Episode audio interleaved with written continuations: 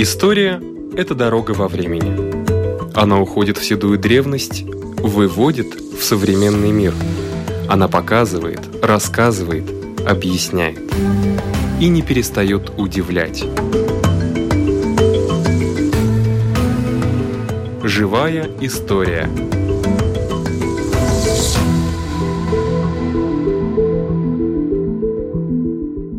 У микрофона Лидия Чера.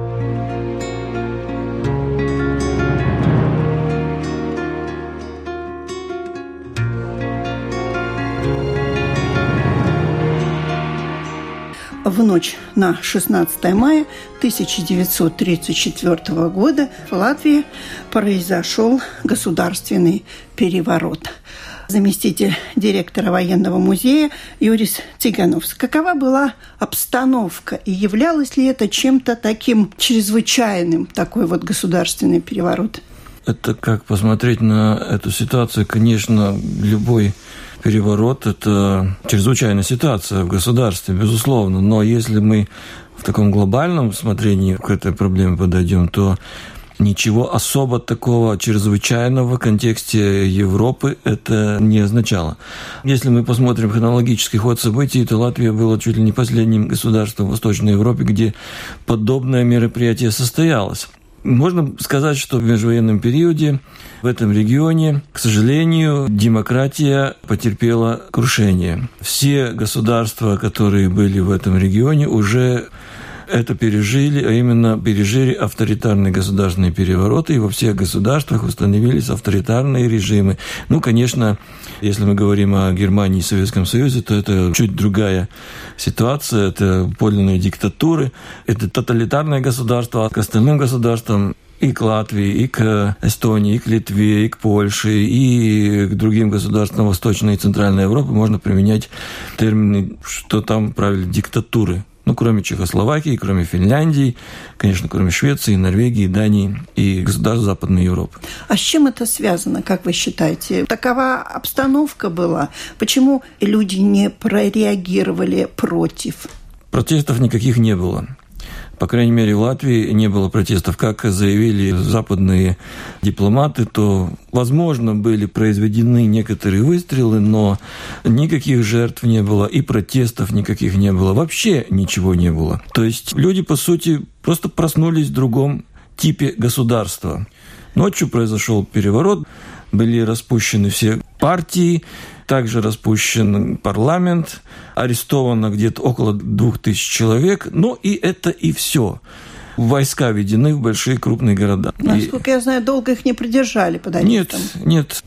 А, некоторых отпустили сразу, над некоторыми были суды, некоторых поместили наспех созданный концентрационный лагерь возле Лепой. Последних, по-моему, где-то продержали около года. Ну, это, конечно, длительный срок, но никто из них не был осужден таком смысле, что ну, лагеря, по там, каторги, да. да, по этапу. Нет, это ничего не было. Арестованным э, депутатам парламента даже выплатили зарплату. Компенсацию? Которую, компенсацию, да, за то, что они были отпущены от своих рабочих мест. А ситуация тоже мы должны смотреть в контексте Европы. В контексте не Западной Европы, а Восточной Европы и Центральной Европы. Это осколки бывших империй. Это молодые государства не все, конечно, например, Финляндия и Швеция прошли этот экзамен демократии, а остальные вот этот экзамен демократии просто не прошли. Это отмечают и все серьезные исследователи, то, что был кризис демократии в этом регионе. И мы можем проследить на примере нашей страны, Латвии, как этот кризис демократии нарастал, и как ситуация нарастала, и как она разрешалась. А именно, 1920 год, первые выборы в учредительное собрание Латвии в Сатверсмес Саполце и последующие четыре Сейма, которые тоже были выборными в Латвии, они показали то, что демократия еще очень неустойчива. То есть были очень множество партий.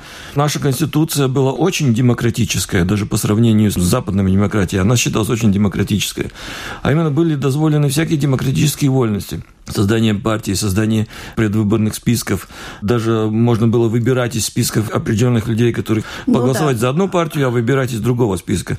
И все это породило то, что в Сейме, в парламенте было очень-очень много раздробленных фракций, которые между собой, по-простому говорить, лаялись.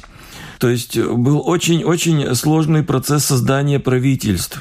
И это все простонародье, можно было так сказать, что это все было видно, это все было на виду, потому что прозрачность была неописуема. То есть самые мелкие проступки, они были описаны и в газетах, и как-то были на виду. И все это было видно, и большинство населения начало просто тяготеть ну, может так, сильной руке. Сильной руке, да. Ну, это, это часто бывает. Это, да, это часто бывает. И вот эти вот настроения тоже, конечно, подогревались некоторыми политическими партиями, например, там, Крестьянским союзом Латвии, лично господином Улманисом Карлисом, который потом стал...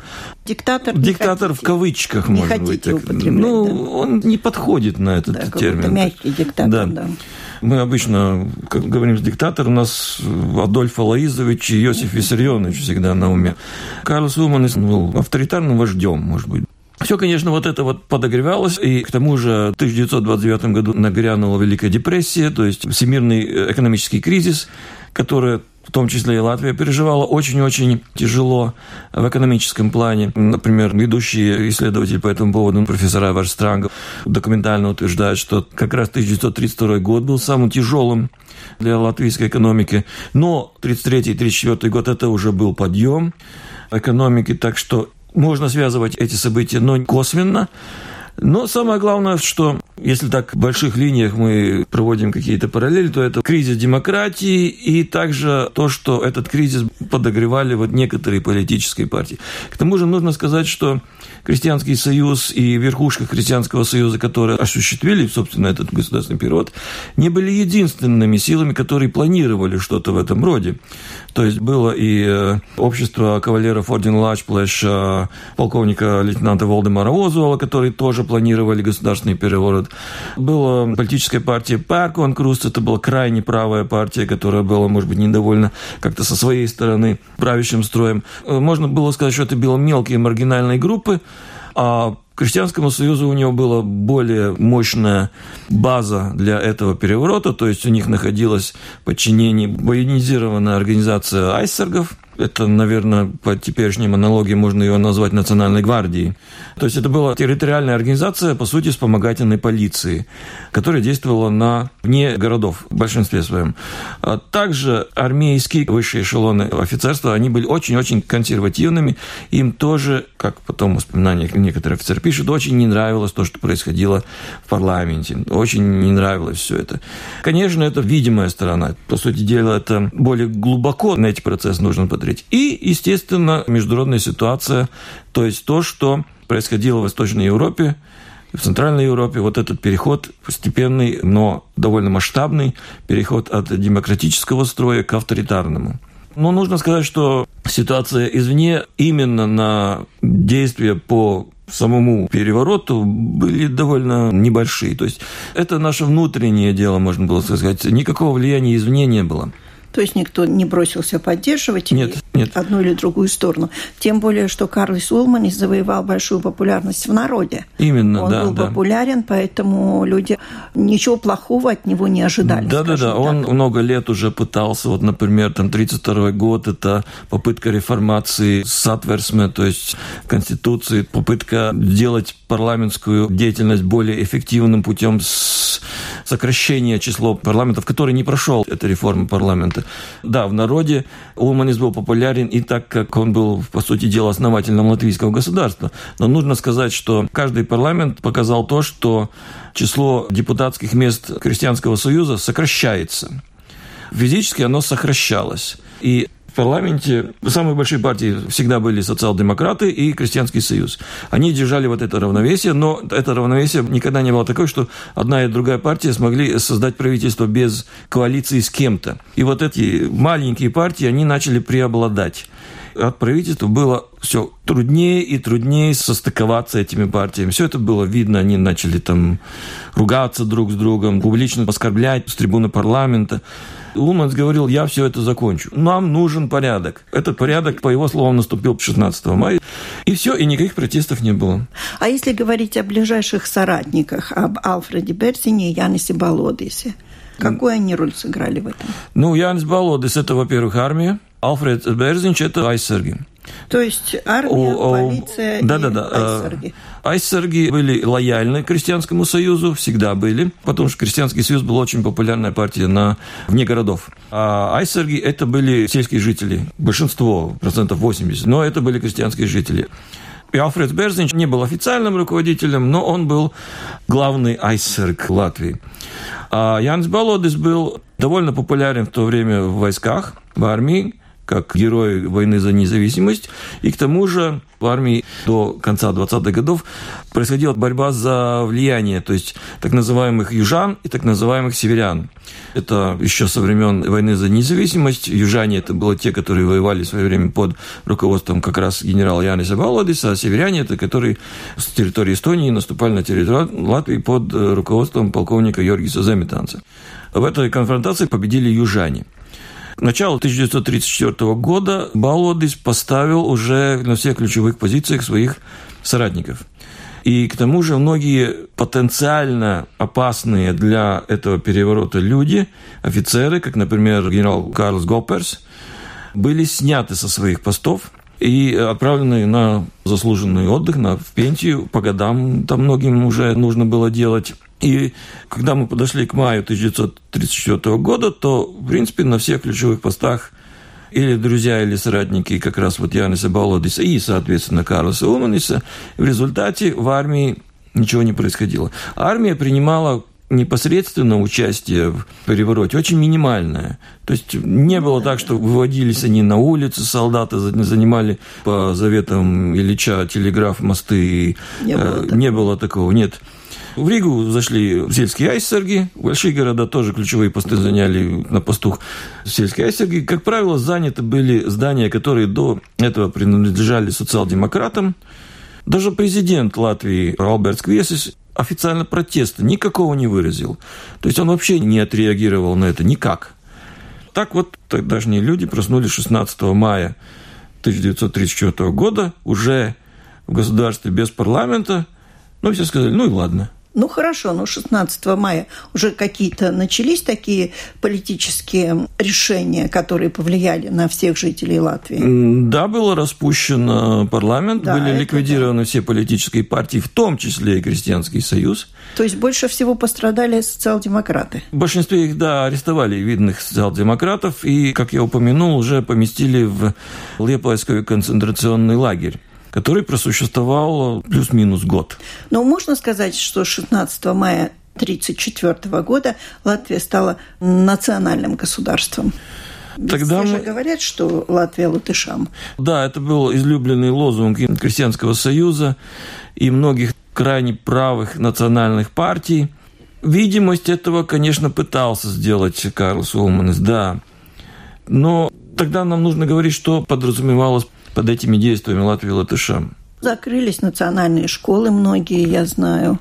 Польские, да, но они не закрывались специально. Немецкие. То есть не было такой политики, что вот сейчас к власти пришел я, давай закрою все там русские, немецкие, польские, другие школы. Они продолжали существовать. Немецкие школы закрылись сами собой в 1939 году, потому что немцы уехали. Нету такой статистики, что специально кто-то там брал, закрывал. Это процессы, которые шли сами собой, например, процесс облатышивания э, фамилий после 1934 года. Многие хотели стать вот именно латышами. Это, например, процесс, который возле Даугавпилса происходил с этническими белорусами. В царское время они там пытались быть русскими или поляками, а в 20-е и 30-е годы они массово становились латышами. Ну, естественно, школы шли на убыль. Но я бы не сказал, что этот процесс как-то в лозунгах, как будто да, это было, но специально, чтобы это сделать. Улман сделал другое дело. У него был пример Бенито Муссолини и фашистская Италия. Слово «фашистское» я сейчас употребляю в политическом слове, а не в ругательном. Улман ввел четырехлетку, например. Он очень любил, чтобы было все запланировано. Плану, да. Плановое хозяйство, например как-то он не любил очень города. Село было ближе. Село было ближе. И, соответственно, плохо относился к э, крупным предприятиям, которые, конечно, в то время находились не в руках латышей, этнических латышей. Но, как говорится, у бизнеса нету национальности. А был такой процесс, что нужно вот все перенять в свои руки. Экономические отношения не всегда соответствовали вот национальным прихотям, и Да, такое было, но это тоже диктовалось отношением бизнеса, а не отношением каким-то лозунгами. Так не бывает. Но попытка этого была, да. И сельское хозяйство все-таки было на очень высоком уровне. К 1934-му и далее очень хорошо да, да, да, да. Зарубежные визиты он не любил, я тоже знаю. Да, и к нам тоже никто больше после 1934 года не ездил. Но там нужно помнить одну вещь. Эти года запомнились как Уманские времена, безусловно. Да. Никто из... Золотые времена, именно. И нужно сказать, что Никто из э, ни прежних президентов, ни после не заслужил такой чести, чтобы его честь назвали целую эпоху. Шесть лет, да, немного, но целая эпоха. Но если мы говорим насчет сельского хозяйства, это были годы подъема после мирового кризиса, после экономического кризиса. Естественно, что после кризиса всегда идет вот это подъем. подъем.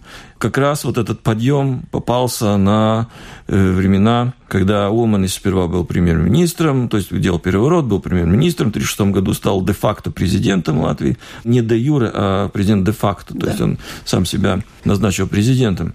И к тому же нужно еще помнить, что эти времена были как раз перед советской оккупацией, то есть перед 1940 годом. Естественно, что все, что потом было разрушено, в большинстве воспоминаний людей оставались как мирные, хорошие, золотые, можем назвать еще много эпитетов, какие годы.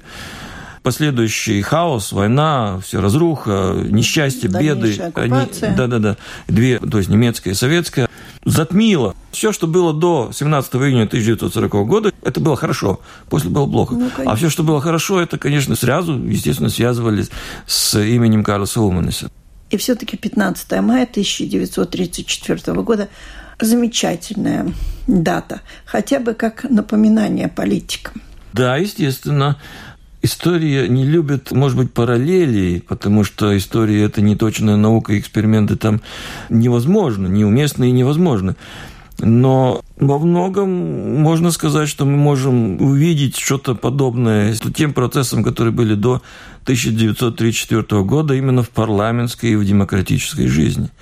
Это видимая часть вот этого айсберга. Я не говорю, что это всегда, но, но иногда мы можем увидеть эти склоки, эти для общества непонятные какие-то разговоры. Разделение на маленькие партии. Именно, да, да, да, да, да. И тогда, по крайней мере, тоже были разделения и по национальному признаку, тоже в парламенте. Там были тогда четыре такие большие группы. Это латышские партии, само собой, но были еще и польские, и еврейские, и немецкие, и русские. Они были очень-очень раздробленными. У них не было никакого политического веса, но они были. Ну, вот так. Живем дальше. Смотрим, как будет развиваться история. Говорят, что история вначале повторяется.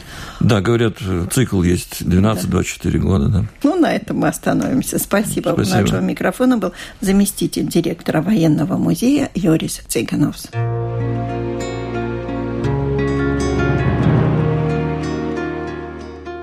Заведующий музеем евреи Латвии Илья Ленский. У вас выставка да, у нас новая выставка, как нам кажется, достаточно интересная, про такого, в общем, сегодня, к сожалению, полузабытого персонажа Пауля Минца. В свое время был очень известный политик, фактически первый государственный контролер Латвии, человек, который создал систему госконтроля в Латвии, многолетний профессор Латвийского университета, руководитель комиссии по разработке Латвийского уголовного кодекса – это который, годы? В, который 20-30-е годы, который, mm-hmm. собственно, в 33-м году этот кодекс наконец был введен в действие. На тот момент очень современный, очень прогрессивный. Минц был международно известным криминалистом, он очень много путешествовал и, соответственно, изучал уголовный кодекс у других стран. То есть благодаря ему действительно у Латвии было очень прогрессивное законодательство на тот момент. Кроме того, то есть это одна сторона его деятельности, но он еще был очень активным политиком, он был членом Народного совета в 1919 году, он был членом Конституционного собрания, многократно баллотировался в Сайму, но вот пройти ему не удалось. К сожалению, был депутатом Рижской городской думы, очень активным еврейским общественным деятелем в благотворительных организациях, в образовательных организациях. И как уж водится с людьми его поколения, естественно, жизнь закончился достаточно трагически. Он был 14 июня 1941 года депортирован в Красноярский край, позже арестован и уже, по, сказать, под арестом там в Сибири умер. и его семья только в конце 50-х годов смогла вернуться в Ригу. И мы, в общем, довольно долго собирали материалы. О нем нам казалось, что человек суперизвестный, и мы все очень легко найдем, но нет. Собирали материалы и здесь на месте, в архивах, в библиотеках. Очень помогли его потомки, которые живут в Израиле, которые тоже прислали всякие интересные визуальные материалы. А мы, на самом деле, конечно, эта выставка у нас получилась не только о человеке, но и об эпохе. Там всплывают многие интересные персонажи, с которыми он дружил, с которыми он сотрудничал. То есть это действительно такой вот кусок эпохи, выставка мобильная с образовательной программой, то есть, соответственно, она путешествует по школам, потому что, нам кажется, тот рассказ, который было бы хорошо, чтобы школьники знали, та история. Так что мы всех очень приглашаем к нам прийти посмотреть выставку, да и на всякие другие мероприятия тоже. Спасибо.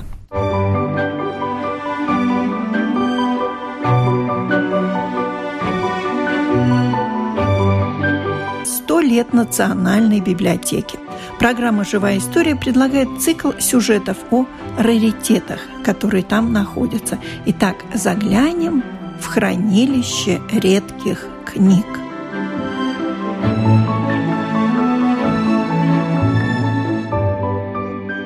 Историк Мартин Шмейнтаурс. Ну что ж, мне повезло. Я не зря хожу раз в неделю в Национальную библиотеку, потому что сегодня я держала в руках оригинальную книгу XVII века. Даже очень как-то волнительно, скажем так, такой редкий экземпляр. Да, это действительно редкий экземпляр, и в этом году исполняется 370 лет со дня рождения этой книги, и книга называется «История Леттика» или «Описание латышского народа и его быта». Книгу эту написал в 17 веке, 1649 году, лютеранский пастырь Паул Эйнхорн. Паул Эйнхорн родился в Латвии, в Курлянском герцогстве 17 века, в предместье Ецева. Точная дата его рождения неизвестна, но предполагается, что он родился где-то около самого начала 17 века. Зато известна точная дата его смерти.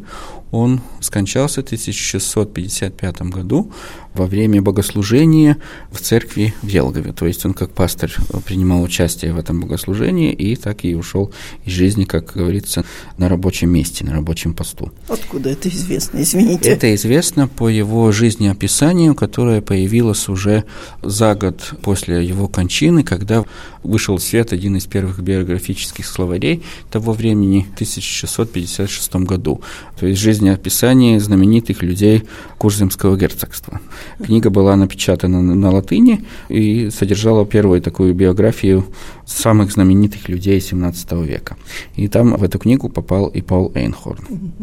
По своей должности Эйнхорн был руководителем э, лютеранской церкви в Курземском герцогстве, и в книге «История Летика» содержится специальное посвящение герцогу Якову как покровителю опечатания этой книги, и как личному покровителю и Паула Энхорна, который получил свою высокую должность курлянского суперинтендента благодаря герцогу, потому что как руководитель лютеранской церкви он считался очень можно его назвать и чиновником, да, очень высоким должностным лицом в администрации Курлянского герцогства.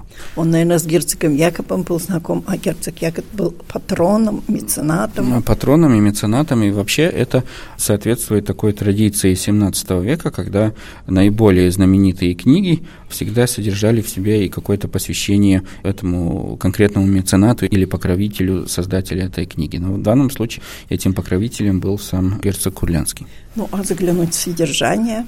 Да, можем и заглянуть в содержание этой книги. Книжка по объему небольшая, 66 с лишним э, страниц. Но, но это печатное. Это печатное, это печатное издание, да, к сожалению, без иллюстрации, но само содержание этой небольшой книги очень, очень интересно, очень замечательно с точки зрения истории и культуры. Потому что эта книга «История Электика» считается первым подробным систематическим описанием истории и этнографии латышского народа. И, собственно, в этой книге и содержится точное определение того, что уже к середине 17 века те латышские племена, которые жили на территории современной Латвии и в Курляндии, начиная с 13 века, они как бы уже сплотились к середине 17 века, сплотились в один народ, который уже между собой общался в одном общем языке. Если в начале 17 века еще содержится информация и сведения о том, что у древних куршей, которые проживали на западной и юго-западной части Латвии, у них как бы свой отдельный язык, который отличается от того латышского языка, который используется в Лифляндии на правом берегу Даугавы, то к середине 17 века уже этот процесс этногенеза, как бы сегодня сказали ученые, он уже завершился к этому времени.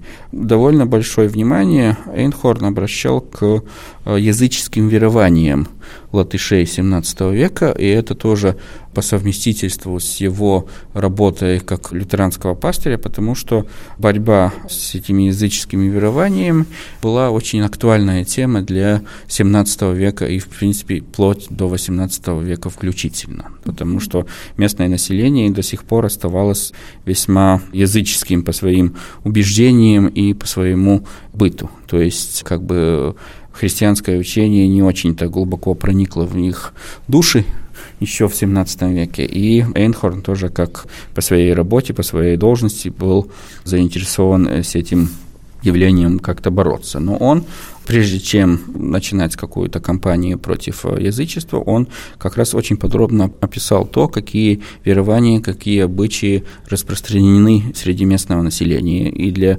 современных исследователей это, конечно, очень ценный источник именно по мифологии латышей XVII века и по информации, которую мы сегодня назвали бы а, этнографической информацией. То есть быт, повседневные обычаи, э, женитьба, похороны, крещение детей и, так далее, и так далее. Ну, даже не прочитав эту книгу, я могу определенно сказать, что Курзамы – это побережье моря, это моряки, соответственно, не молились своему богу Перкуну попутного ветра и хорошего улова. Да, да, и не только на Кулянском побережье, но Эндхорн довольно подробно описывает и те верования, которые были распространены среди людей материковой части да, да. Кулянского герцогства, и в это время даже эти рассказы, о которых пишет Эйнхорн, они как бы повторяются еще в XVIII веке, то есть древние обычаи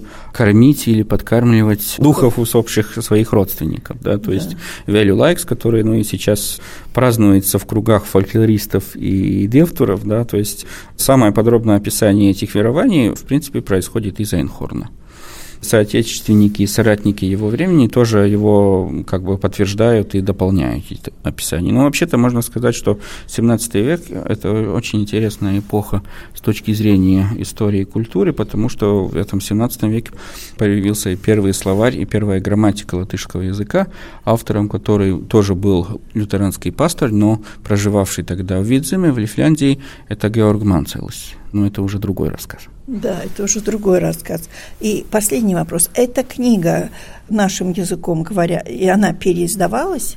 Эта книга переиздавалась факсимиле в середине 20 века, но то, что интересно, что в этом экземпляре, который хранится в Национальной библиотеке, там остались пометки других историков, исследователей 18-19 веков, которые пользовались этой книгой и которым эта книга э, принадлежала.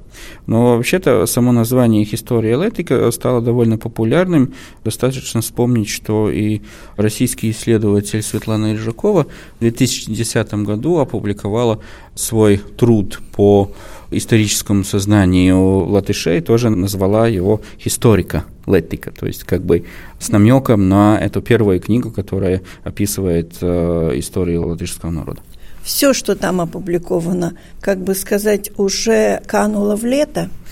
Отчасти, да, конечно, это происходит со всеми историческими произведениями, но до сих пор эта книга интересна именно с точки зрения того, что мы можем непосредственно узнать о том, как жили люди тогда в середине 17 века. Это на этой территории. Источник. Да, на этой территории, на территории Куляндии. Спасибо. У нашего микрофона был историк Мартин Шмейнтаурс. На этом наша передача заканчивается. Всего вам доброго.